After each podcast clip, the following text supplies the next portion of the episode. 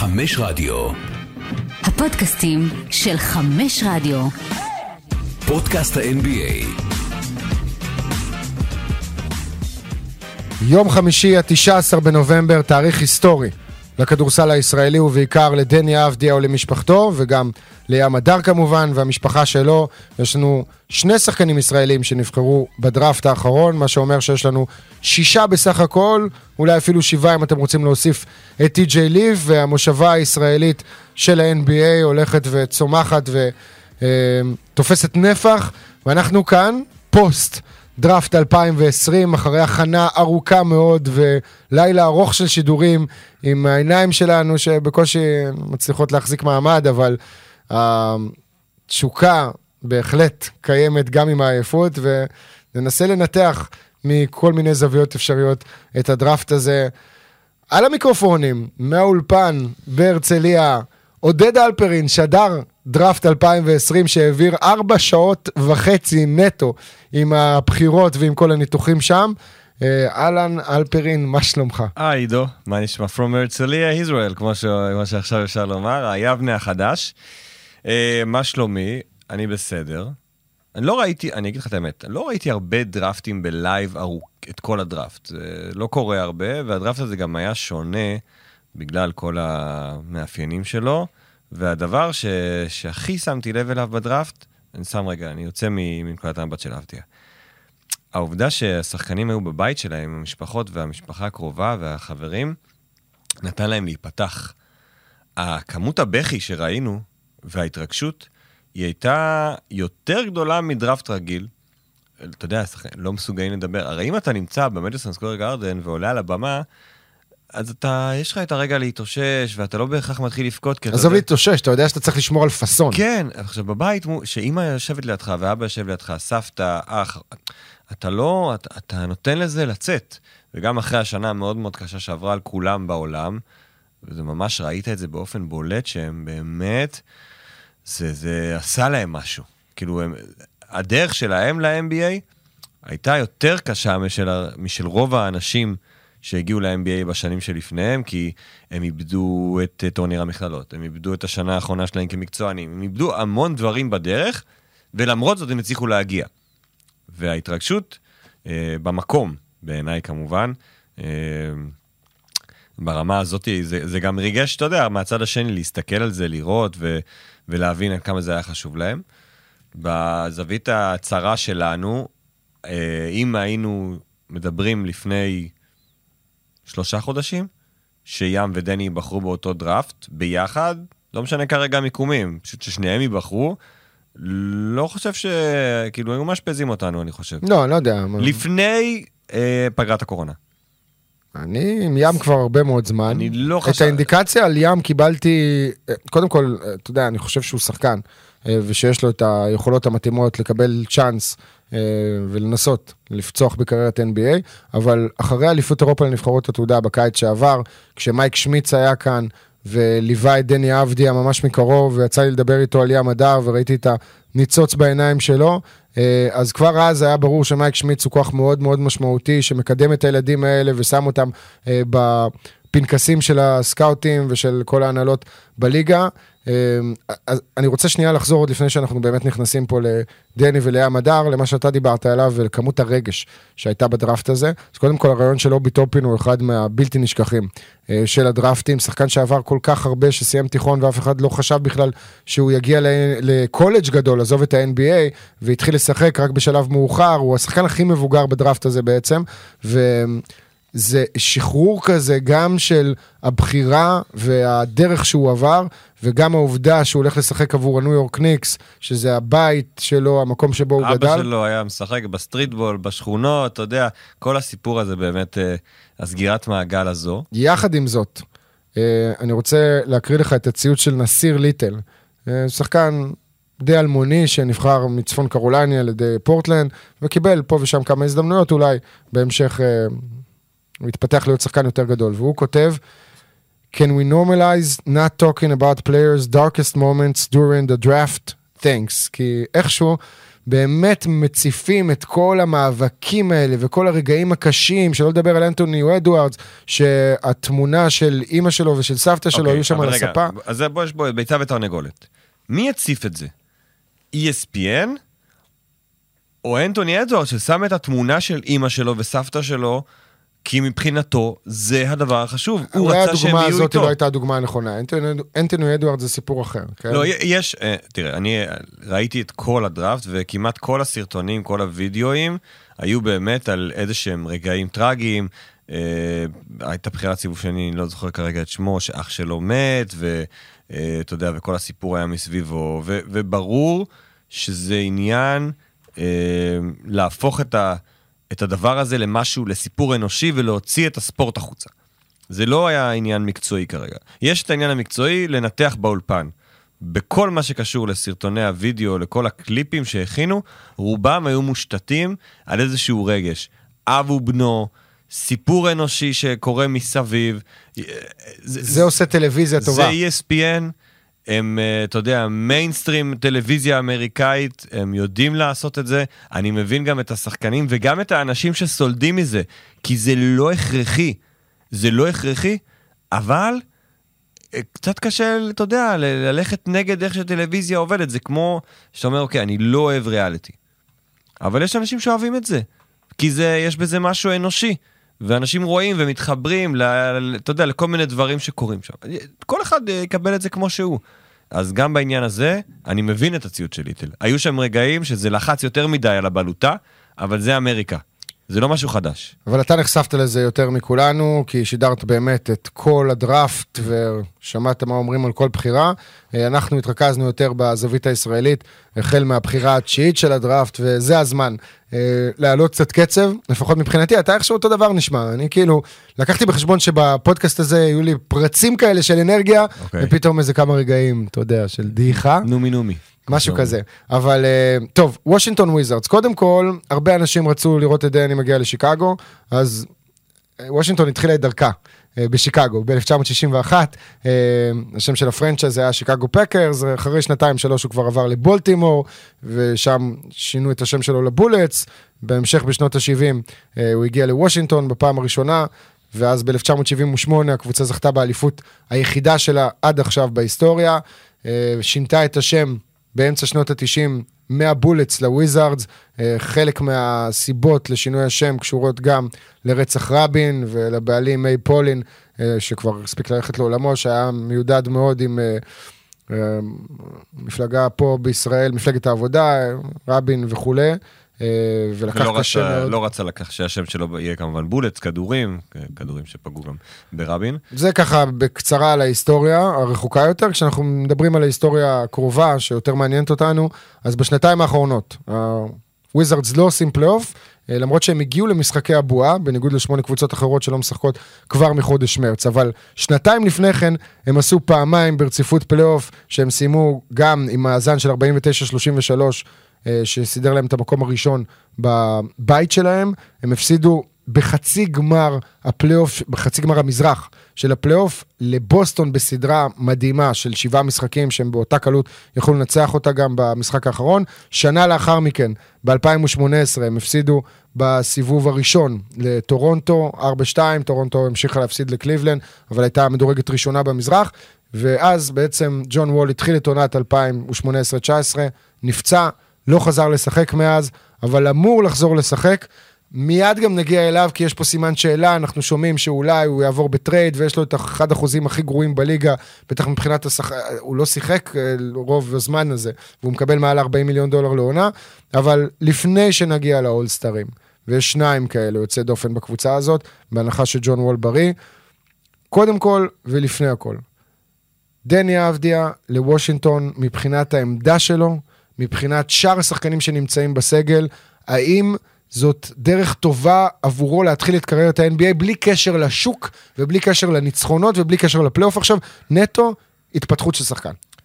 תראה, אנחנו, קשה לנו קצת, אה, נקרא לזה, לשפוט את יכולת פיתוח השחקנים עדיין של וושינגטון. היא בשנה שעברה בחרה את רויה צ'ימורה, שבבחירה גבוהה ממה שציפו, במקום השמיני. אה, תשיעי. תשיעי. כמו אה, דני. כן, ולא... אתה יודע, היו עליו הרבה, ראינו אותו באליפות העולם עם יפן, אמרנו, רגע, זו בחירה, סיבוב ראשון בדראפט, מקום תשיעי, הוא לא נראה כל כך, עדיין לא נראה מתאים, אבל ככל שהשנה התקדמה, ראינו שגם הצ'ימורה התקדם יחד עם וושינגטון. אה, ובנוגע, אתה יודע, לברדלי ביל וג'ון וול, הם שחקנים אחרים, הם שחקנים שהגיעו, אתה יודע, ברמה גבוהה מאוד ל-NBA. בחירה ראשונה ושלישית. כן, אז היה ברור ג'ון ש... וול של 2010, ברדלי ביל של 2012. אז היה ברור שהם שם. ואצל דני יש עוד מה לפתח, נכון, הוא מגיע מאוד מאוד מוכן ברמה, אתה יודע, ברמה האירופאית, אבל יש שם, יש שם עוד מה לעבוד. אה, אני חושב שברמת ה... מה שיש בקבוצה, אז אה, יש לו עמדה שהיא די מובהקת מבחינתו, כאילו העמדה מספר 3 היא שם רק שמישהו יבוא ויקח אותה. אין שם שלוש אמיתי. ו... היחיד שנותן לו fight על העמדה הזאת זה איזק בונגה. או טרוי בראון? טרוי בראון שהוא יותר לכיוון השתיים, אבל, אבל כן, יכול לשחק גם בשלוש. כן, עכשיו, שוב, זה מה שיש, זה לא הרבה. ובארבע זה כבר יותר מסובך, כי יש את האצ'ימורה, שיכול גם לשחק חמש לכאורה, וברטנס שאנחנו לא יודעים מה יהיה איתו, ברטנס זה לדעתי free agent מאוד מבוקש בשוק, נתן עונה מדהימה. לפי מה שהבנתי מטומי שפרד, הוא רוצה אותו. הוא הולך לחתום שם גם כנראה. אחלה. אה, אם ברטנס חותם זה קצת משנה את אה, נקודת המבט לגבי דני אבדיה, כי יהיה לו בעיה להתמק... כי הוא עם ברטנס קשה לו להתמודד כרגע, כי לברטנס מביא משהו שאין לו. ברטנס מביא משהו שאין ל... 99% נכון. מהשחקנים ב-NBA. יש לו כליאה אבסולוטית. הוא אחד הקלעים הגדולים בעולם נכון, היום. כליאה אבסולוטית. אה, וכשדיברנו על זה עם ניקולה וויצ'יץ' אז הוא אמר שגם דני הכלייה שלו הרבה יותר טובה ממה שחושבים. אין בעיה, מקבל את זה, הוא לא קלעי ברמה של ברטנס, הוא לא יכול להיות, הוא לא משחרר את הכדור כל כך מהר, הוא גם לא אמור להיות קלעי כמו ברטנס, כי זה מה שברטנס מביא למגרש, כליאה. אז זאת אומרת שדני יכול לשחק לצידו. בעמדה מספר 3, ואם צריך בהרכבים מסוימים, כן יעשה את הארבע. שוב, אלו העמדות שכרגע אנחנו מדברים, אני לא חושב שאנחנו מדברים על 1-2, יש מספיק גארדים בוושינגטון עם ג'ון וול, בלי ג'ון וול, כן טריידים, לא טריידים, לא רלוונטי כרגע. אז מבחינת העמדה, בסך הכל כשאתה מסתכל, אז גם שראינו בשיקגו, אמרנו, אוקיי, אין לו יותר מדי מה להתחרות שם. פורטר והאצ'ינסון, הוא יכול להתמודד עם זה, כנ"ל לגבי, כנ"ל בוושינגטון, וההתלהבות הגדולה, שאני לא חושב שאפשר לרמות אותה.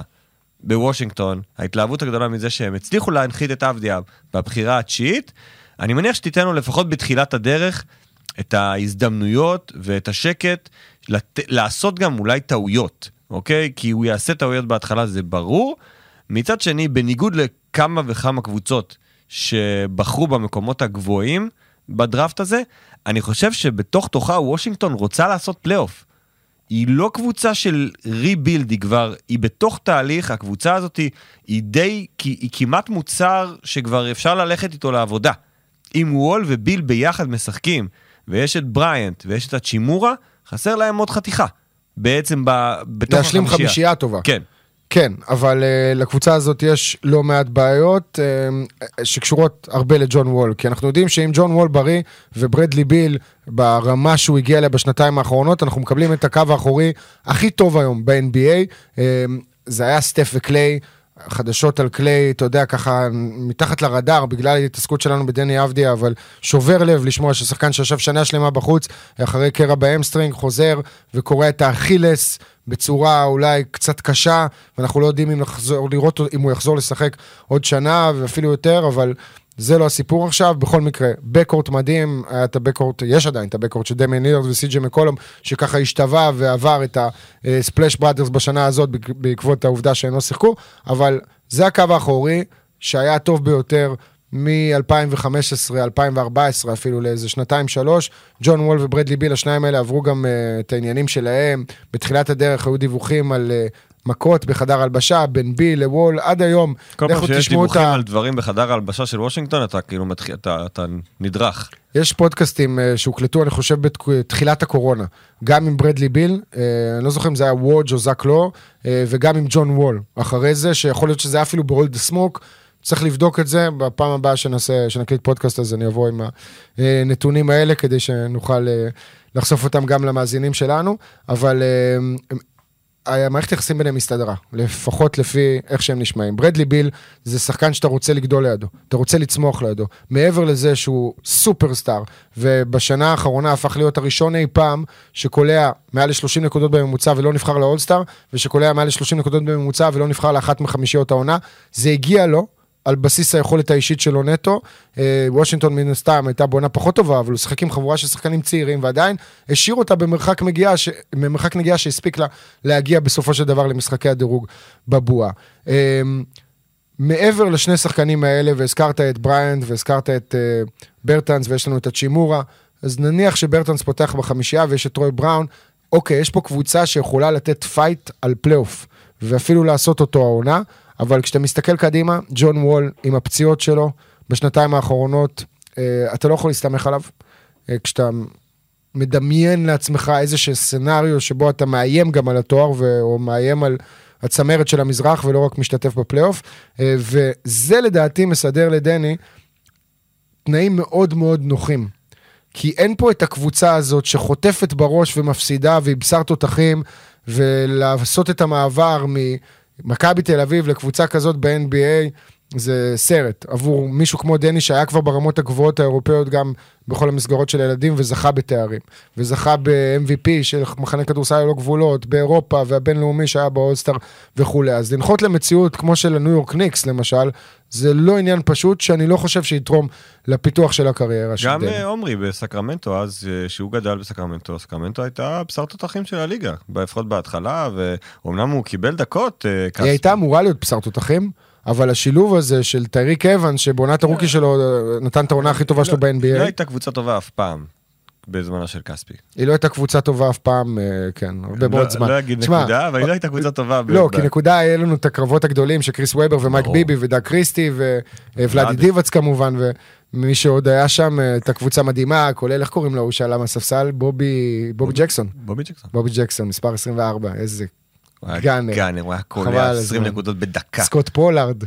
הייתה קבוצה, המאבקים עם הלייקרס היו אדירים. כן, אבל מה שקרה לסקרמנטו בעצם זה שהיא מחזיקה ברצף הארוך ביותר ב-NBA ללא הופעות פלייאוף, כן? אנחנו כבר יותר מ-14 שנים, אמ, אבל זאת קבוצה אחת, אנחנו מתעסקים בוושינגטון. בקיצור, הסיטואציה הזאת שבה אה, הוויזארדס כן נלחמים על משהו, בלי הרבה ציפיות, כן יפסידו, לא יחטפו בראש, אני חושב שהיא נוחה מאוד לשחקן בסגנון של דני. אה, הייתי מעדיף מאבק עם גולדן סטייט על הפלייאוף, אבל זה היה מביא הרבה יותר לחץ גם על הכתפיים של אה, דני, ויש לו את האופי הנכון. מצד שני, הוא לא התמודד עדיין עם רגעי משבר באמת גדולים בקריירה, ואני מניח שיהיה לפחות אחד כזה בעונת הרוקי שלו, יהיה איזה stretch לא טוב. היה, יש rookie wall, וגם אני בטוח שהשנה, בגלל הקורונה, זה יביא אתגרים שגם הוא לא דמיין.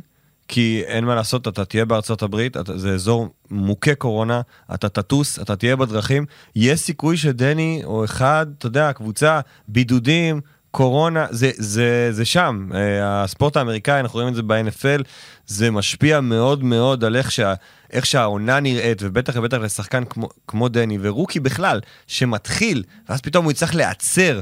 לשבוע, לשבועיים, לחזור לכושר.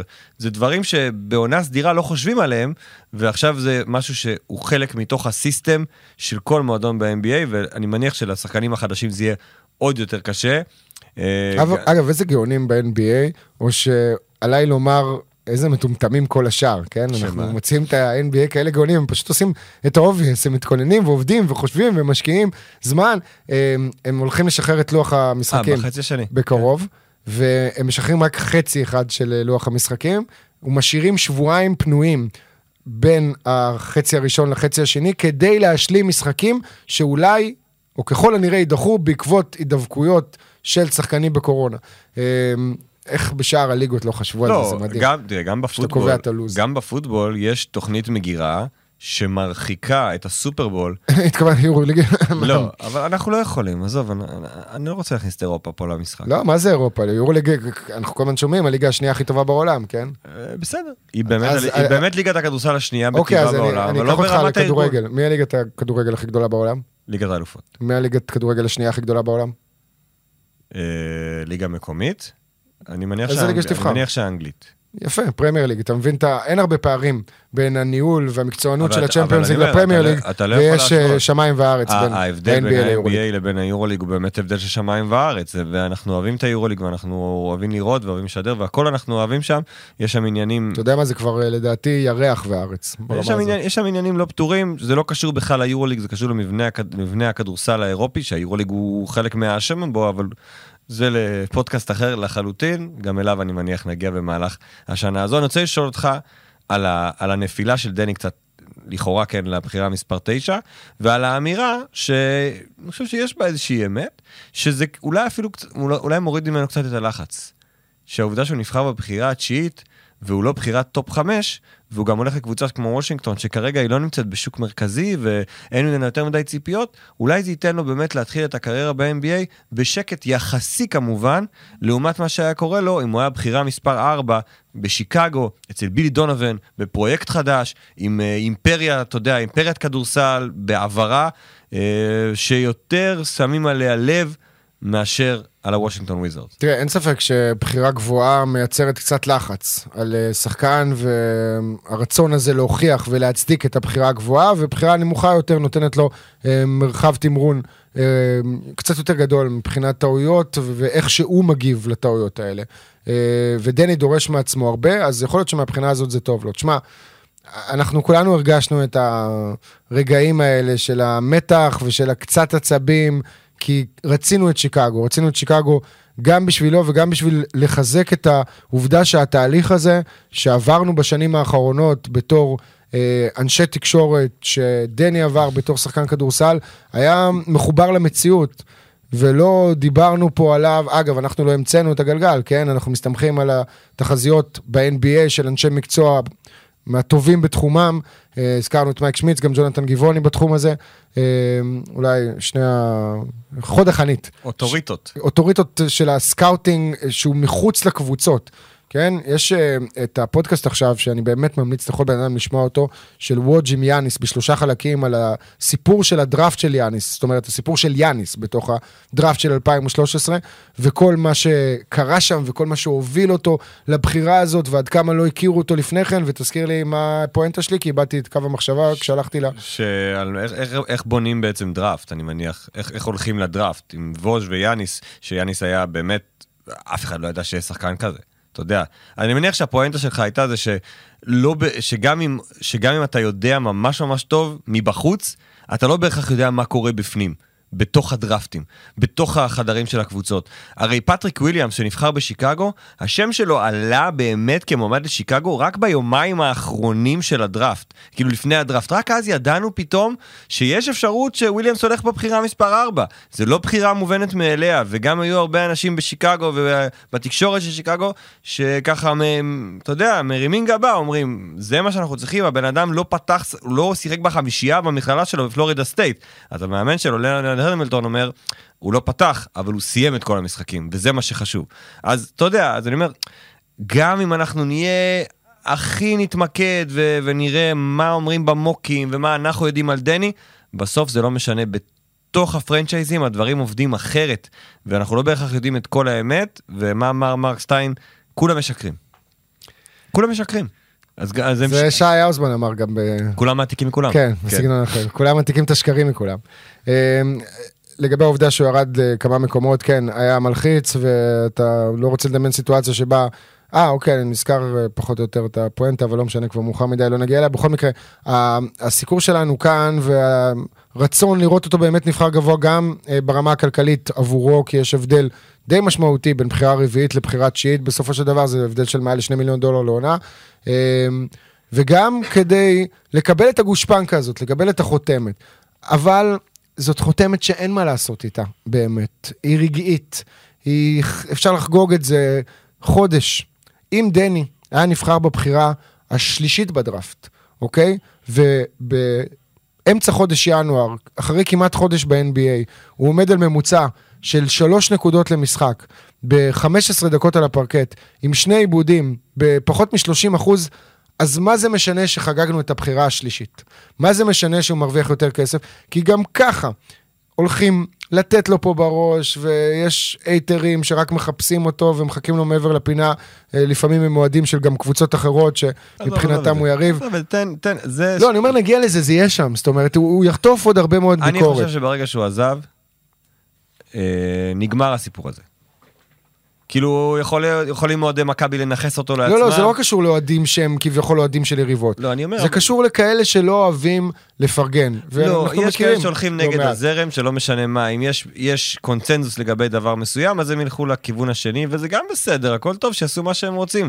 וזה הדבר הגדול שכל אחד יכול, שתהיה לו את הדעה שלו, אבל כשמסתכלים על זה בעין מפוקחת, דני אבדיה הוא בסופו של דבר, זה קצת over פטריוטי, אבל הוא נציג של מדינת ישראל.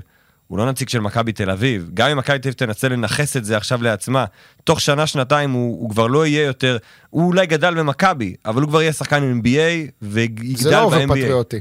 אני במאי 2011 הייתי במסיבת רווקים של חבר טוב מאוד בברלין. באותו זמן כבר טוב, התחלת טוב את הסיפור. דאלאס רצה אה, קדימה ונאבקת על אליפות. זה היה עד לפני גמר ה-NBA, זה היה בגמר המערב לדעתי, אבל יצא לי לראות את אחד המשחקים של המבריקס בברלין, ואיך שהעיר נראתה, אני נוביצקי? הייתי בהלם בגלל יופי, נוביצקי. איזה כיף. כל הברים היו מפוצצים. כולל כאלה שלא מגיעים לשם אנשים בדרך כלל, אתה יודע, שעשו צפייה מיוחדת, אז זה מה שאנחנו יכולים אולי לקבל כאן עם דני אבדיה. אמ, אפרופו הבחירה התשיעית, גם נוביצקי נבחר במקום התשיעי. יש שאמרו, יש שהגדירו את זה, מאיפה קראתי את זה? אה, מנור סולומון על סטרואידים כפול יוסי בניון כפול ערן זהבי. זה כאילו מה שיכול... אם, תחשוב איזה טירוף היה פה, שדיוויד היה בגמר. אתה היית שם, אנחנו היינו פה. אנש... היה טירוף מוחלט. ודייוויד לא משחק, כן, הוא אני המאמן. ודניאל התלוצצנו כל הזמן, שאיזה מזל ששלחו אותנו לסקר את הגמר הזה, לא בגלל ה... אה, לא הייתם ישנים אחר כך, הייתם צריכים להיות פה כל היום בלופים, בערים. בוא, אני לא אני אחדש לך, לא אני ישנו אני שנייה. שם, אני כן? עם ההבדלים של השעות, אבל השמחה הגדולה שלנו, מעבר לזה שזאת חוויה באמת, שאתה חולם עליה בתור ילד, נוסעים לסקר סדרת גמר, פעם ראשונה, סדרת גמר מלאה. האושר האמיתי שלנו היה, כי שנינו ציניקנים כאלה, אתה יודע, מעצבנים לפעמים, ודיברנו אחד עם השני על איזה מזל שאנחנו לא צריכים להיות עכשיו בארץ, ולקבל את זה מכל כיוון אפשרי, כי אנחנו בדרך כלל, אה, גם אתה, אני מניח, כן, אנחנו, קשה לך, אתה לא נגד הקונצנזוס, אבל לפעמים זה נהיה קצת מכביד יותר מדי, והיה נחמד להעביר את זה מרחוק, כשבמקביל אנחנו רואים שכל כותרות העיתונים וכל תוכניות הבוקר וכל תוכניות אחר הצהריים, כולם מדברים על דויד בלאט ופתאום כולם הפכו להיות האוהדים הכי גדולים של דויד בלאט. העניין הוא פה, אגב, זה לא שאנחנו נגד וזה שאנחנו לא רוצים שכולם יאהבו את דני, אבל אנחנו אה, רכושנים. ולאו דווקא מבחינת זה שאנחנו לא מסוגלים לחלוק במושאי ההערצה שלנו. פשוט, הם פשוט, אנחנו נכ... פשוט הם נכנסים לתוך הגינה. זהו, אין בעיה אם יש להם גינה משלהם, שיחגגו איתנו. נעשה פעם ברביקיו אצלם, פעם ברביקיו אצלנו. אבל זה כאילו הם נכנסו עכשיו בלי שהם עשו לפני. הם באו לחצר שלנו, אוכלים מהבשר שלנו, חוגגים בחגיגה שלנו, עכשיו אנחנו מפרגנים, בטח, כאילו, אז- אבל אז תכין- אנחנו רוצים שיישארו שם. תכ... תכין את אנחנו רוצים שהם יאהבו באמת את תכין- הכדורסל תכין את עצמך. ואת ה-NBA, ולא רק את דני כי הוא הצלחה ישראלית. אתה יודע, אתה איש חכם, תכין את עצמך לעונה שבה אנחנו הולכים להתחלק עם דני אבדיה, עם כולם. כי כל משחק של וושינגטון הוא מעכשיו חגיגה. זה הבנתי, אני הכנתי את עצמי, אני רק רוצה שכל המצטרפים החדשים יהיו שם בגלל סיבות אחרות. אני הם לא, לא יכול הם לשנות לא, את זה. הם לא, הם לא כן, יהיו. זאת ההתנגדות הקטנה, אתה מבין? שזה כאילו אנחנו שם, ב- בענף הזה. אתה ב... תמשיך לסקר את דני אבדיה ואת הכדורסל מהצד הכי טהור שיש, מצד מקצועי. וכל מי שלא אתה יודע, יכול... על אותו משקל, אה, אני מסתכל על ההתנהלות שלך בטוויטר, אה, שכיף לקרוא אותך, אתה אחד מהצייצנים באמת היחידים שהם מספרים את הסיפור של הכדורסל האירופי ומביאים גם כל מיני דברים נישתיים כאלה. אה, אתה בחיים לא צייצת עד כמה שאני ראיתי ונתקלתי, שום דבר על מנור סולומון, או בטח לא אחרי איזה שער גדול עכשיו וחגג. זאת אומרת, אתה אוהב כדורגל, אתה מבין כדורגל, אתה מכבד את מאור ומעריך אותו, אבל אתה לא מכניס את עצמך למשהו שהוא לא שלך, כי אתה איש כדורסל, כי אבל- שיחקת ברעננה אצל רון נווה. בסדר, אבל אנחנו... לא- כל אחד יעשה מה, ש... מה שהבטן שלו אומרת לו. אם יש אנשים שחושבים שהם צריכים לצייץ על כל דבר, זה בסדר גמור, זה אחלה. אין לי, אין לי באמת שאין לי בעיה עם זה. אני לא מרגיש נוח לצייץ על דברים שאני לא מבין בהם. יפה, זה העניין. אני כצרכן רוצה לשמוע מהמומחה בתחום הזה את um, הפרשנות או את הדעה ה- שלו. אבל כל המהות של הרשת החברתית, של הרשתות החברתיות, זה שכל אחד מרגיש שהוא מומחה. בתחומו או לא בתחומו. ואין הבדל בינך לבין כל איש כרגע שכותב ברשתות החברתיות, מבחינתו. מבחינתו, בהסתכלות שלו, הוא אומר, וגם, כאילו, תכתוב, הכל טוב. בסוף, אה, להיות צרכן מובחן בתקופה הזו זה מאוד מאוד קשה. אתה צריך לדעת ממי אתה צורך את המידע שלך. וזה זה ממש יציאה, יצאנו לגמרי כן, מהסיפור. יצאנו מהסיפור ומהשיחה, אה, הפלגנו. אם כבר אנחנו אה, במחוזות האלה, אז אה, אני אסגור את זה באמירה אחת. עם כל אהבתי להרבה מאוד אה, אנשי פיד NBA כאן, אוקיי? שהם בניגוד לאנשים האחרים שהם הטרמפיסטים על ההצלחה של דני, הם באמת אוהבים את המשחק והם באמת חיים ונושמים אותו, ובכל מה שקשור לדני הם שמחים בהצלחה שלו בצורה יוצאת דופן. אבל אני מסתכל על הפיד האמריקאי שיש לי, ועל כל הכתבים והפרשנים והאנליסטים שאני עוקב אחריהם מארצות הברית. הכמות ניתוחים שאנחנו מקבלים בפיד NBA עברית לעומת פיד NBA אנגלית, תקשיב, אין לזה בכלל... זה הזיה. בעברית הוא מטורף, בעברית nonstop. nonstop. עכשיו שוב, להם יש את היתרון שהם קרובים לשחקנים, אז הם יכולים לדווח. לנו פה אין עיתונאות NBA באמת, אז כביכול הכל מתנקז לפרשנות. אבל כולם פרשנים, גם אצלם יש הרבה חבר'ה שהם לא אה, עיתונאים. אבל הם לא מביעים את דעתם באמת על כל אירוע הכי קטן. אבל בסדר, כמו שאמרת, כל אחד שיעשה את מה שהוא רוצה. מה שבא לו. וכל אחד שיבלה כמה זמן שהוא רוצה ברשתות החברתיות. אני יכול להגיד לך אה, באופן אישי, שאחרי שבמשך שנים על גבי שנים, הטוויטר מבחינתי היה המקום שבו הרגשתי בצורה נוחה בבית, לחשוף אפילו דברים שבחיים לא עשיתי ברשתות חברתיות, למרות שהמספרים של העוקבים שלי כאן הם הכי הרבה גבוהים, והאינסטגרם נראה לי כמו איזשהו משהו פייק כזה שמספר סיפור לא אמיתי. עכשיו, קצת התהפך, הטוויטר הפך להיות ממש ממש רעיל, זה לא משנה מה אני מצייץ, יש שם תגובות ארסיות, לאו דווקא כלפיי, כלפי איזשהו מישהו, כן? סתם דוגמה, צייצתי על הסיפור הזה של וודג' ועל ה- אה, זה שירון ארבל שם היה הראשון לזהות את יאניס, אז אחת מהתגובות הייתה איזה בן אדם שעמם ונוראי, וזה זה וודג'. אוקיי, בסדר, הוא לא ראה את זה, הוא לא שמע את זה, אבל כל הזמן רק מחפשים את הרוע. ובאינסטגרם, נכון שזה פייק, אבל בצורה מסוימת, אבל זה פייק אפי.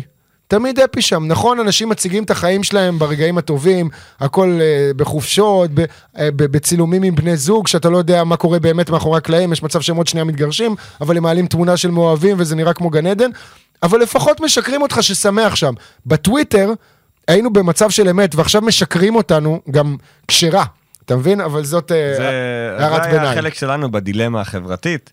אה, כן. פודקאסט התקשורת של אה, עידו גור ועודד אלפרין. אתה רוצה לעבור לים או שאנחנו... לא, לא, אני עדיין רוצה להישאר אוקיי. עם הסיפור של דני ועם הסיפור של... אה, הדראפט הזה, מיד נגיע לשאר השמות, אבל וושינגטון זאת קבוצה שניתחנו פחות או יותר, אנחנו לא ניכנס פה לכל השמות, כן? כי אין מישהו בעמדה שלו. אמרנו איזק בונגה, אמרנו דוויס ברטנס משחק ארבע וזה שחקן אחר לגמרי מדני.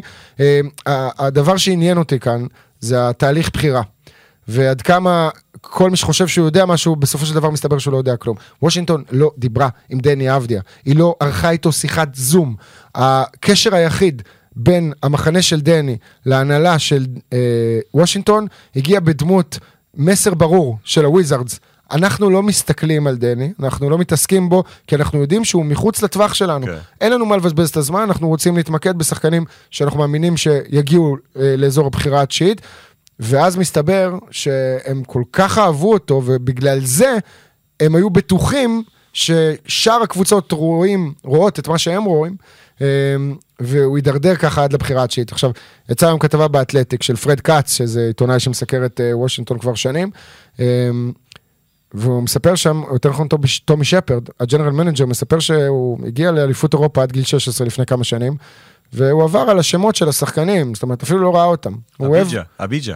כן, הוא אוהב לעבור על שמות כדי לראות לפי שמות משפחה. האם הוא מזהה את אם הוא הקשר מזהה, אם יש המשפחתי? הצלבות, הוא שואל את עצמו, רגע, יכול להיות שזה הבן של ההוא, יש קשר, אולי הוא בן דוד של זה שמשחק שם, איזה עכבר. ואז הוא ראה עבדיה. הוא אמר לעצמו, אני מכיר את השם הזה ואני... לא, יכול להיות שיש קשר בינו לבין זופר?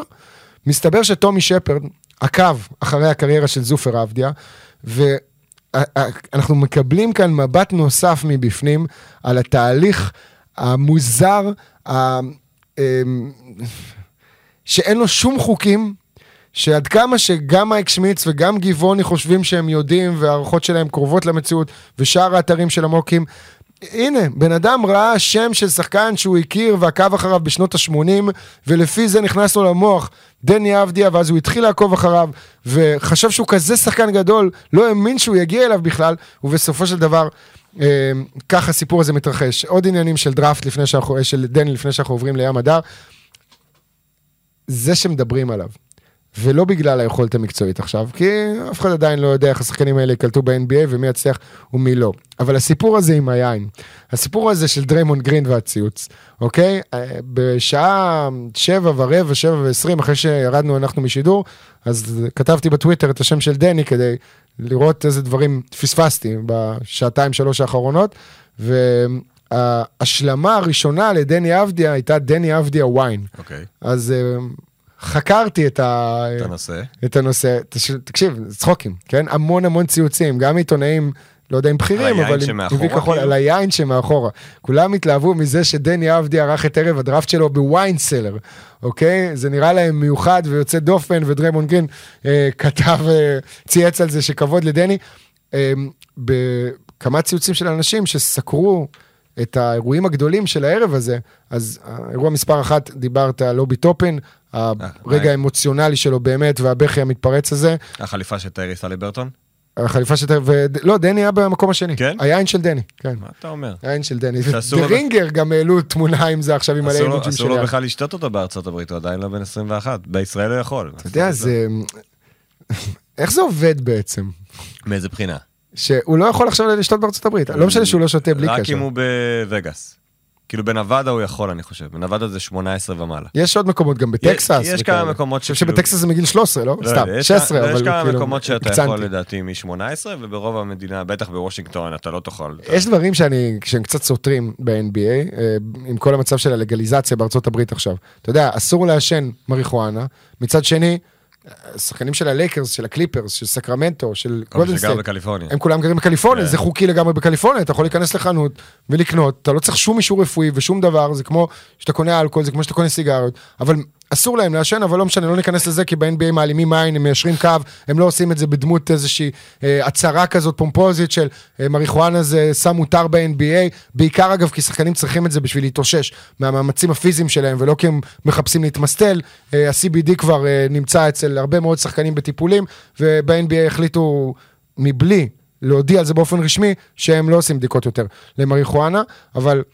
אוקיי, אלה הסיפורים שמסביב, יש עוד הרבה סיפורים, אנחנו ככה עוד מנסים לסדר לעצמנו את אה, הנקודות של הדראפט הזה. הסיפורים אגב שנכונים ליום הזה יכולים להיות עוד יומיים לא נכונים כבר. כי טרייד אחד פה של וושינגטון טורף לנו את כל הקלפים, את כל העונה הזו, מה ג'ון וול, כן ג'ון וול, כן ווסטבוק, לא ווסטבוק, שוב, והדברים, ברטנס, הדברים עדיין נזילים. יכול להיות שאם נבוא ונעשה את הפודקאסט הזה שוב בשבוע הבא, הדברים שאנחנו נאמר יצטרכו להישמע אחרת. שוב, אנחנו נגיד שבעצם אה, מחר בערב, לא משנה כרגע מתי הם שומעים את זה, ב-20 בנובמבר נפתח מועד השחקנים החופשיים, וזה גם איזושהי בומבה, איזושהי בומבה שנכנסת על השוק, ואז יגמרו את כל המסביב, יבנו את הסגל מאוד מאוד מהר, כי עוד uh, עשרה ימים צריך להתחיל להתאמן, או לפחות uh, להתקבץ יחד, לעבור בדיקות קורונה, להיות שלוש שליליות, ואז אפשר להתחיל... להת- קיצור, מסובך, יש הרבה בלאגן סביב זה. חדשות אה, ממש עכשיו, שאתם תשמעו אותם כבר לא כ breaking news, אה, זה רשמי. קלי תומפסון קרע את האכילס? קרע את האכילס ויחמיץ את כל העונה הקרובה, עונה שנייה ברציפות. שיחק בפעם האחרונה כדורסל במשחק מספר 5 של גמר 2019, זה קרה ממש בתחילת חודש יוני, ובמקרה הטוב, אם בכלל, הוא יחזור לשחק באוקטובר 2021, זה שנתיים וחצי ללא שנייה אחת של כדורסל לאחד הקלעים הגדולים בהיסטוריה של הספורט הזה, ולאחד השחקנים הנחמדים גם. אז כואב בשביל אה, קליי תומפסון, אבל אנחנו נדבר גם אה, בפודקאסטים, יש לנו הרבה פודקאסטים להקליט בשבוע הבא, תכין את עצמך, כי יש המון חדשות, אנחנו התמקדנו בדני, בדראפט, אה, אחרי שכבר נעשו טריידים עם קריס פול, ריקי רוביו הספיק לחזור למינסוטה, וכמובן, צריכים- כל הסיפור של צריכים שכל הקבוצות ברוקלין. אה, יישרו קו, ואז לעשות, אתה יודע, להתחיל להתכונן כבר לעונה הבאה שהיא מעבר לפינה. ים מדר במקביל, לא- רגע, דבר אחרון לפני שאנחנו כן. עוברים לים מדר, כי ממש עכשיו דני אבדיה עונה ב- בחשבונות של וושינגטון לכמה תשובות, אז הנה דברים נבחרים מעניינים. הוא אומר, אני אוהב את זה כשהדברים לא קשים, זה הולך להפוך אותי לשחקן טוב יותר, אני אוהב אתגרים. אה, אנחנו הולכים להביא את וושינגטון DC למקום שאליו היא שייכת, אני לא יכול להפסיד, אעשה הכל כדי לנצח, והציטוט המנצח עד עכשיו, על ברדלי ביל וג'ון וול. שיחקתי איתם ב-NBA 2K, עכשיו אני הולך לשחק איתם על הפרקט, במציאות, זה פשוט מטורף. נכון. זה היה מטורף באמת. המעבר הזה פתאום ממכבי תל אביב, לראות שווד יש לו, אתה יודע, הוא פגש את המארה, פגש שחקני NBA, אתה יודע, ברמה, ברמה גבוהה, אבל לעבור פתאום להיות יחד איתם בקבוצה זה משהו אחר. לגבי המדר, אני חייב להגיד לך שאין לי מה להרחיב יותר מדי. זאת אומרת, אנחנו מדברים על זה, אנחנו יודעים אה, שהוא נשאר השנה בהפועל תל אביב, הוא לא יוכל להצטרף לבוסטון, אין לו מקום בסגל, לא רק מבחינת עמדה, זאת קבוצה שבחרה 25 שחקנים החל מדראפט של 2015, זה מטורף, זה 6 שנים, 25 שחקנים, עם כל הבחירות שהיו לה מקבוצות אחרות, זה אומר שהממוצע שלה הוא מעל לארבע בחירות דראפט בעונה, חלק. מהשחקנים האלה עדיין בקבוצה. אה, אחד מהם, לדוגמה, שידרתי אתמול, מפסיד משלשה של סייבון, אה, כל הזמן אני הופך את השמות. סייבון פיתה. סייבון פיתה, כן. של פייתון סיבה כמעט על ה buzzer. גרשון יבוסלה, האגדי. בווילרבן, הבחירה ה-16 של הסלטיקס, אז אה, לא בטוח ים מדר ישחק בבוסטון. רוב הסיכויים, אגב, שהוא לא ישחק בבוסטון. דני איינג' בוחר את השחקנים לפי האיכות שלהם, ולא לפי ההתאמה שלהם לקבוצה, ואז מנסה להבין איך הוא משתמש בהם. שמענו את מייק שמיץ אתמול ישר אחרי הדיווח על הבחירה של ים מדר. draft and stash. בחרנו אותו, יש לנו את הזכויות עליו, בינתיים אנחנו שמים אותו בצד, ניתן לו להתפתח, נראה, נבחן את הסיטואציה מחדש, אולי בכלל לא נבחן אותו במדי הסלטיקס, יכול להיות שבקיץ הבא נעביר אותו בטרייד בשביל לקבל עוד איזושהי בחירה עתידית, כי זה מה שאוהבים לעשות אוקיי, הרבה מאוד אז הוא אנשים לא יהיה. בבוסטון בשנה הבאה, בשנה הזאתי, ברור לחלוטין, אינג' יודע, מדר יודע, הפועל תל אביב יודעת. ים מדר עכשיו מסיים את העונה הזו בהפועל תל אביב. הוא צריך להתקדם. באירופה, כן, ככל הנראה. כן. זאת אומרת שבעונה הבאה הוא צריך לשחק בקבוצה, לא נגיד כרגע איזה, שמשחקת במסגרת אירופית. לא רק בליגה המקומית. כדי שהוא יוכל, שהוא יוכל לבחון את עצמו, שבחוץ יוכלו לבחון אותו, כי עם כל הכבוד לליגות המקומיות, זה לא מעניין את האמריקאים. מצד שני זה לא משנה גם מה שאתה אומר. חייב חושב שהוא לך. כן צריך- אני חייב להגיד לך למה זה לא משנה. כי ים הדר הוא בשלב מאוד מאוד מוקדם של הקריירה שלו. והצלחה שלו ביורו-קאפ או ביורוליג, אלא אם זו תהיה הצלחה מטאורית בסגנון דונצ'יץ' או אפילו חצי מדונצ'יץ', לא תסדר לו עכשיו חוזה ישר ב-NBA. אמ, אבל זה יכול לסדר לו את ההזדמנות. זה מה שאני אומר, הוא יצטרך להרוויח את החוזה דרך, ההזדמנות אוקיי. תהיה שם. עכשיו אם אה, ים הדר... ההזדמנות רגע, להוכיח את עצמו בליגת קיץ במחנות לפני תחילת עונה תהיה. נבחר סיבוב שני על ידי בוסטון. בליגת הקיץ הבאה, הוא יכול לבוא לשחק? כן. ואני חושב שגם בוסטון תרצה שהוא יבוא לשחק. עקרונית בליגת הקיץ אין איזושהי הגבלה, כן? אתה יכול, אה, סתם, לדוגמה, אני עכשיו יש לי שחקן אחרי עשר שנים בליגה. נכון. עבר איזה שנה של פציעה, אני רוצה... אני רוצה לבחון אותו. לח- לא לבחון, אני רוצה להכניס אותו לעניינים אה, דרך הליגת קיץ. אז- אני יכול להביא אותו. שוב, יכול להיות שבשנה הבאה נראה את ים הדר באמת בליגת הקיץ במדי בוסטון, או... סיכוי גבוה מאוד. כי, כי זה מה שעושים. זה- זה משהו שיקרה. ו- וגם גם האירועים האלו, הללו, הם זה גם אירועים משמעותיים מבחינתו של מדר, שיסיים את העונה בישראל, ו- ואז זה כבר סימן שאלה. כי ליגת הקיץ בשנה הבאה, היא תהיה במועד מאוחר יותר מבדרך כלל. היא תהיה לקראת ספטמבר, אוקיי? אנחנו לא יודעים, הליגה רוצה להתאזן. אבל אם הליגה... אוקיי, מס- אם הליגה מסיימת בחודש יולי, רגע לפני המשחקים האולימפיים, היא יכולה לחזור ולפתוח את העונה של 21-22 בהנחה שהחיסון עובד. באוגוסט? ב- לא באוגוסט, לא, באוקטובר. אבל מתי אתה מחזיר את השחקנים כבר, כאילו, יש, ל- לליגת קיץ אה, בווגאס? אתה אומר שהמשחקים האולימפיים ידחו קצת פתיחת עונת ה-NBA? אני לא חושב, אני לא חושב. אני לא אומר. שוב, אז בכל מקרה, בסופו של דבר האולימפיאדה נערכת באותו זמן, וכמו שאתה רואה עכשיו, כן. אה, יש פגרה של חודשיים, כן? ועם כל הכבוד ללברון ג'יימס, שבדרך כלל מכין את הגוף שלו בקפידה, יש לו תוכנית מאוד מאוד מסודרת לזמן הזה שאין עונת כדורסל, אז אה, העסק יותר חשוב. סיפור מעניין, כן. אנקדוטה מעניינת, אם כבר. הזכרתי את השם של לברון. האם ידעת שלברון ג'יימס חייב כסף ל-NBA? על מה? אז ככה, אה, בעקבות הקורונה, מן הסתם, אה, שחקנים איבדו אחוזים מהמשכורות שלהם, כן? אה, נכנס הסעיף של הפורס מז'ור, של הכוח העליון, של אתה מאבד איזה קצת מ- מעל לאחוז על כל משחק שאתה מפספס, ובליגה פספסו משחקים, אבל לברון, בניגוד לשחקנים אחרים, מבחינת ההסכם שלו, מקבל את הכסף up front. מקבל את אוקיי. הכסף בתחילת העונה. זאת אומרת שלא יכלו להוריד לו באופן יחסי מהשכר, ונוצר מצב שלפיו הוא חייב עכשיו כסף ל-NBA. זה מיליון ומשהו, כן? כאילו הכסף שלו לא, לא- בח- לא בחשבון נאמנות בצד, אתה אומר, הוא מקבל את זה כבר, אתה יודע, מראש. זה מעניין אגב, מה שהרגע אמרת, חשבון הנאמנות הזה, האסקרו, ש... כי- כי זה מה שבסוף החזיר את השחקנים, אה, שמו יותר כסף עזוב, אנחנו בצד. צריכים לעשות דראפט, אה, אה, דראפט אני אומר, אנחנו צריכים לעשות פודקאסט המדריך לא- לעונת כן, לעונת וואו, 21, איזה עונה- 2021. עונה מוזרה זאת תהיה. בואו נסכם. ים צריך בעונה הבאה להתקדם, בצורה כזו או אחרת, בשביל הקריירה שלו. לא משנה אם יהיה שחקן NBA או שחקן אירופאי מצוין. אה, הוא צריך כנראה לעבור מהפועל תל אביב לקבוצה עם... אה, אני לא יודע, עם שאיפות יותר, ש, ש, שיותר מבוססת, כי הפועל תל אביב עדיין מחפשת את דרכה, אין מה לעשות, גם בהפועל תל אביב יודעים את זה. הם מנסים להגיע לליגת האלופות של פיבה. ים גדול על הפועל תל אביב, אבל. אה, תראה, הוא עדיין צעיר. לא, עכשיו גדול? לא. אבל כשאתה מסתכל קדימה על הקריירה שלו, בסדר, אני מסתכל, אבל כרגע, הוא, כרגע אני מסתכל על העונה הזו, שאגב, אני חושב שהיא עונה גם חשובה מבחינתו. הוא לא יכול להרשות לעצמו שהפועל תל אביב לא תיראה טוב. כל זה דבר, הרבה תלוי בו. כל דבר פחות מחמישייה ביורוליג בעוד חמש-שש שנים, יהיה אכזבה, לדעתי, מבחינת היכולות של ים הדר.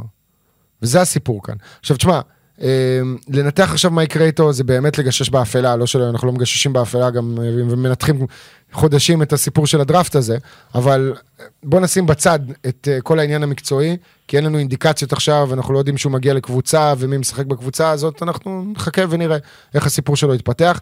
בוא נדבר על הקטע הרגשי יותר. אה, אנחנו גדלנו על המשחק הזה. כילדים קטנים ששיחקו במחלקות הנוער פה ברעננה ובכפר סבא.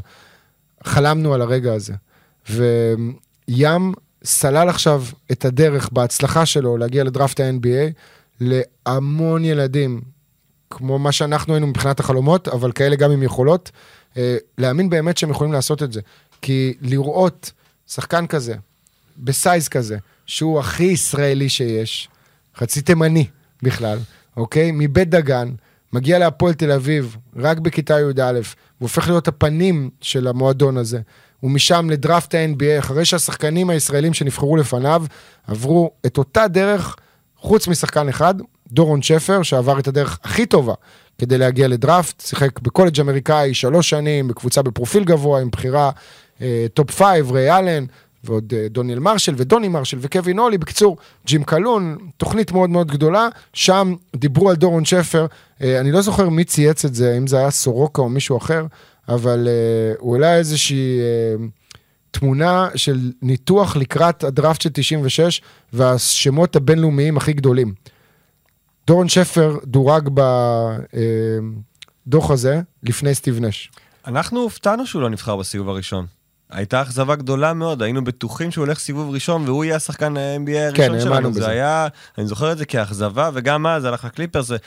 הכל שם, שוב, היה סיבוב שני אז היה יותר, פחות מובטח מאשר היום, היום זה, אתה יכול לשחק ב-NBA סיבוב שני, אז זה היה קצת יותר קשה. אבל זה היה דרך קונטיקט, אתה מבין? אף אחד לא היה נותן צ'אנס לדורון שפר אחרי עונת האליפות שלו עם גליל עליון שהוא, שהוא היה צעיר יותר בשלוש שנים. זה הסיפור של שפר. עד- מעבר לזה יש לנו שלושה שחקנים, עמרי כספי, ליאור אליהו ויותם אלפרין, כולם עברו במכבי תל אביב בדרכם לליגה הטובה, לדראפט של הליגה הטובה בעולם, כולל משחקים בינלאומיים קבוצות NBA וכולי, וים הדר עשה את זה בדרך שעדיין לא ראינו, שלדעתי צריכה להיות באמת... אה, סוג של אה, ביקן כזה, אתה יודע. תראה, קיבלנו, אמ, אנחנו בשלוש שנים אה, חלומיות מבחינת הכדורסל הישראלי ברמת הצעירים.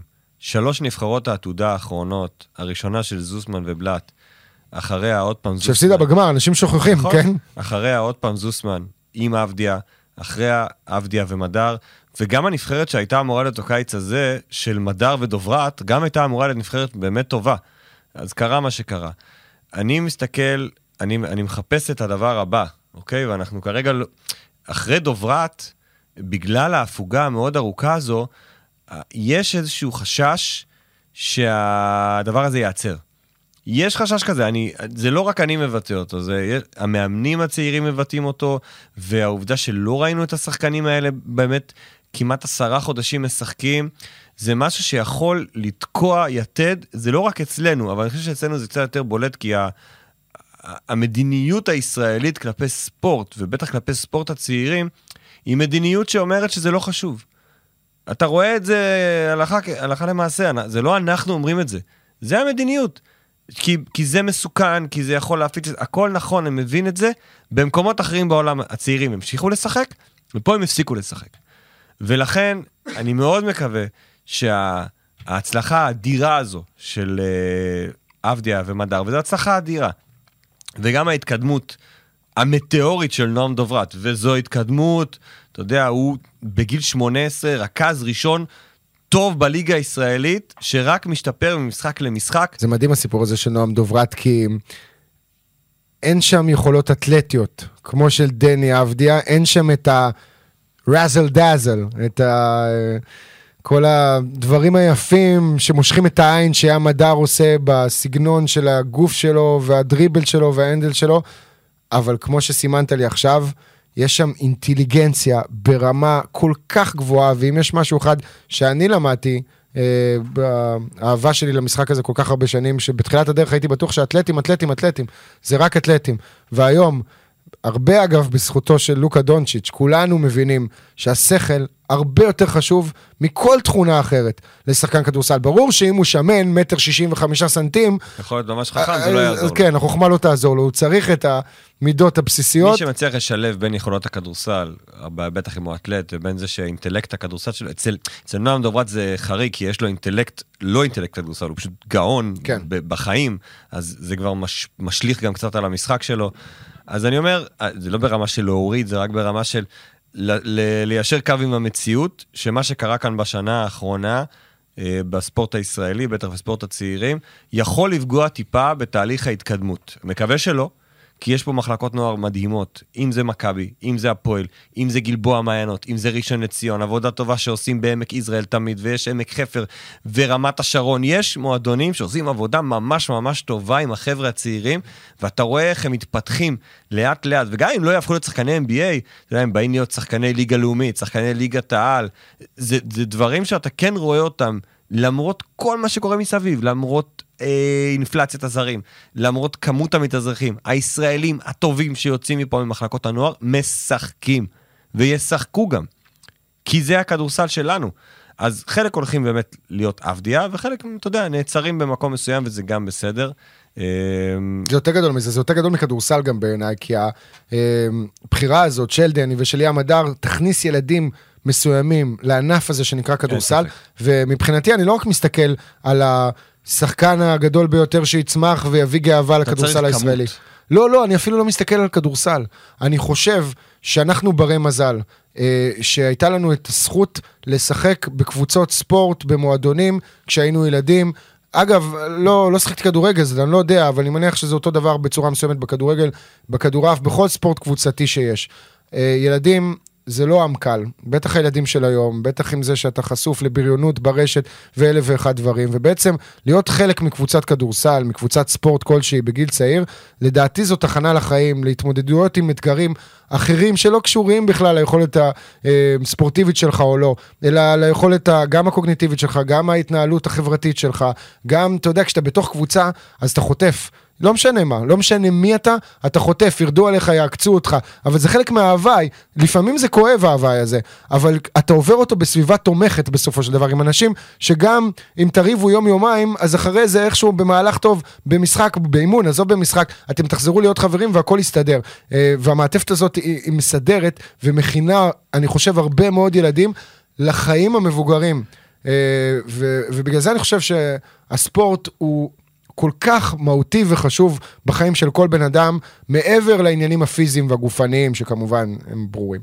נראה לי שיחסית לפוד סיכום הדראפט, אה, התפזרנו. הצלחנו לגלוש פה, אני, אני שם את זה על העייפות. אני שם אבל, את זה לגמרי על העייפות, אבל כן. בסדר, אני, אני מקווה שנהנתם, מי ששמע, והסכמנו, עידו, שאנחנו צריכים עוד כמה פודקאסטים בעתיד כדי להתחיל באמת להתכונן, העונה הבאה היא ממש כאן.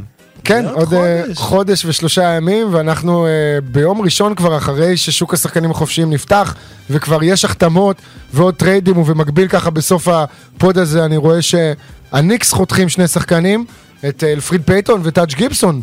שמות מעניינים. אז קיצור, תתעדכנו, תעדכנו אותנו, אנחנו נעדכן אתכם. יש לך את הסידור שלך כבר לראשון, שני, לשבוע נדבר הבא? על זה אחר כך. אוקיי, אתה לא רוצה לסגור את זה כאן? לא יכול. שהמאזינים אני לא יכול עדיין. יעודכנו? לא. תודה רבה לנועה פופלינגר שערכה והפיקה, תודה לכם שהאזנתם, גם לכל הפודים האחרים על הדרפטים, יהיו עוד פודים על דרפטים בעתיד, זה עוד לא הזכרנו את עמנואל שארפ, הבן של דרק שארפ, זה 2022? יחד עם. אה, נועם דוברת, לא? לדעתי עוד... ש- טוב, גם צריך לבדוק את זה עד הסוף. כן, נתכונן. לזה. לילה טוב.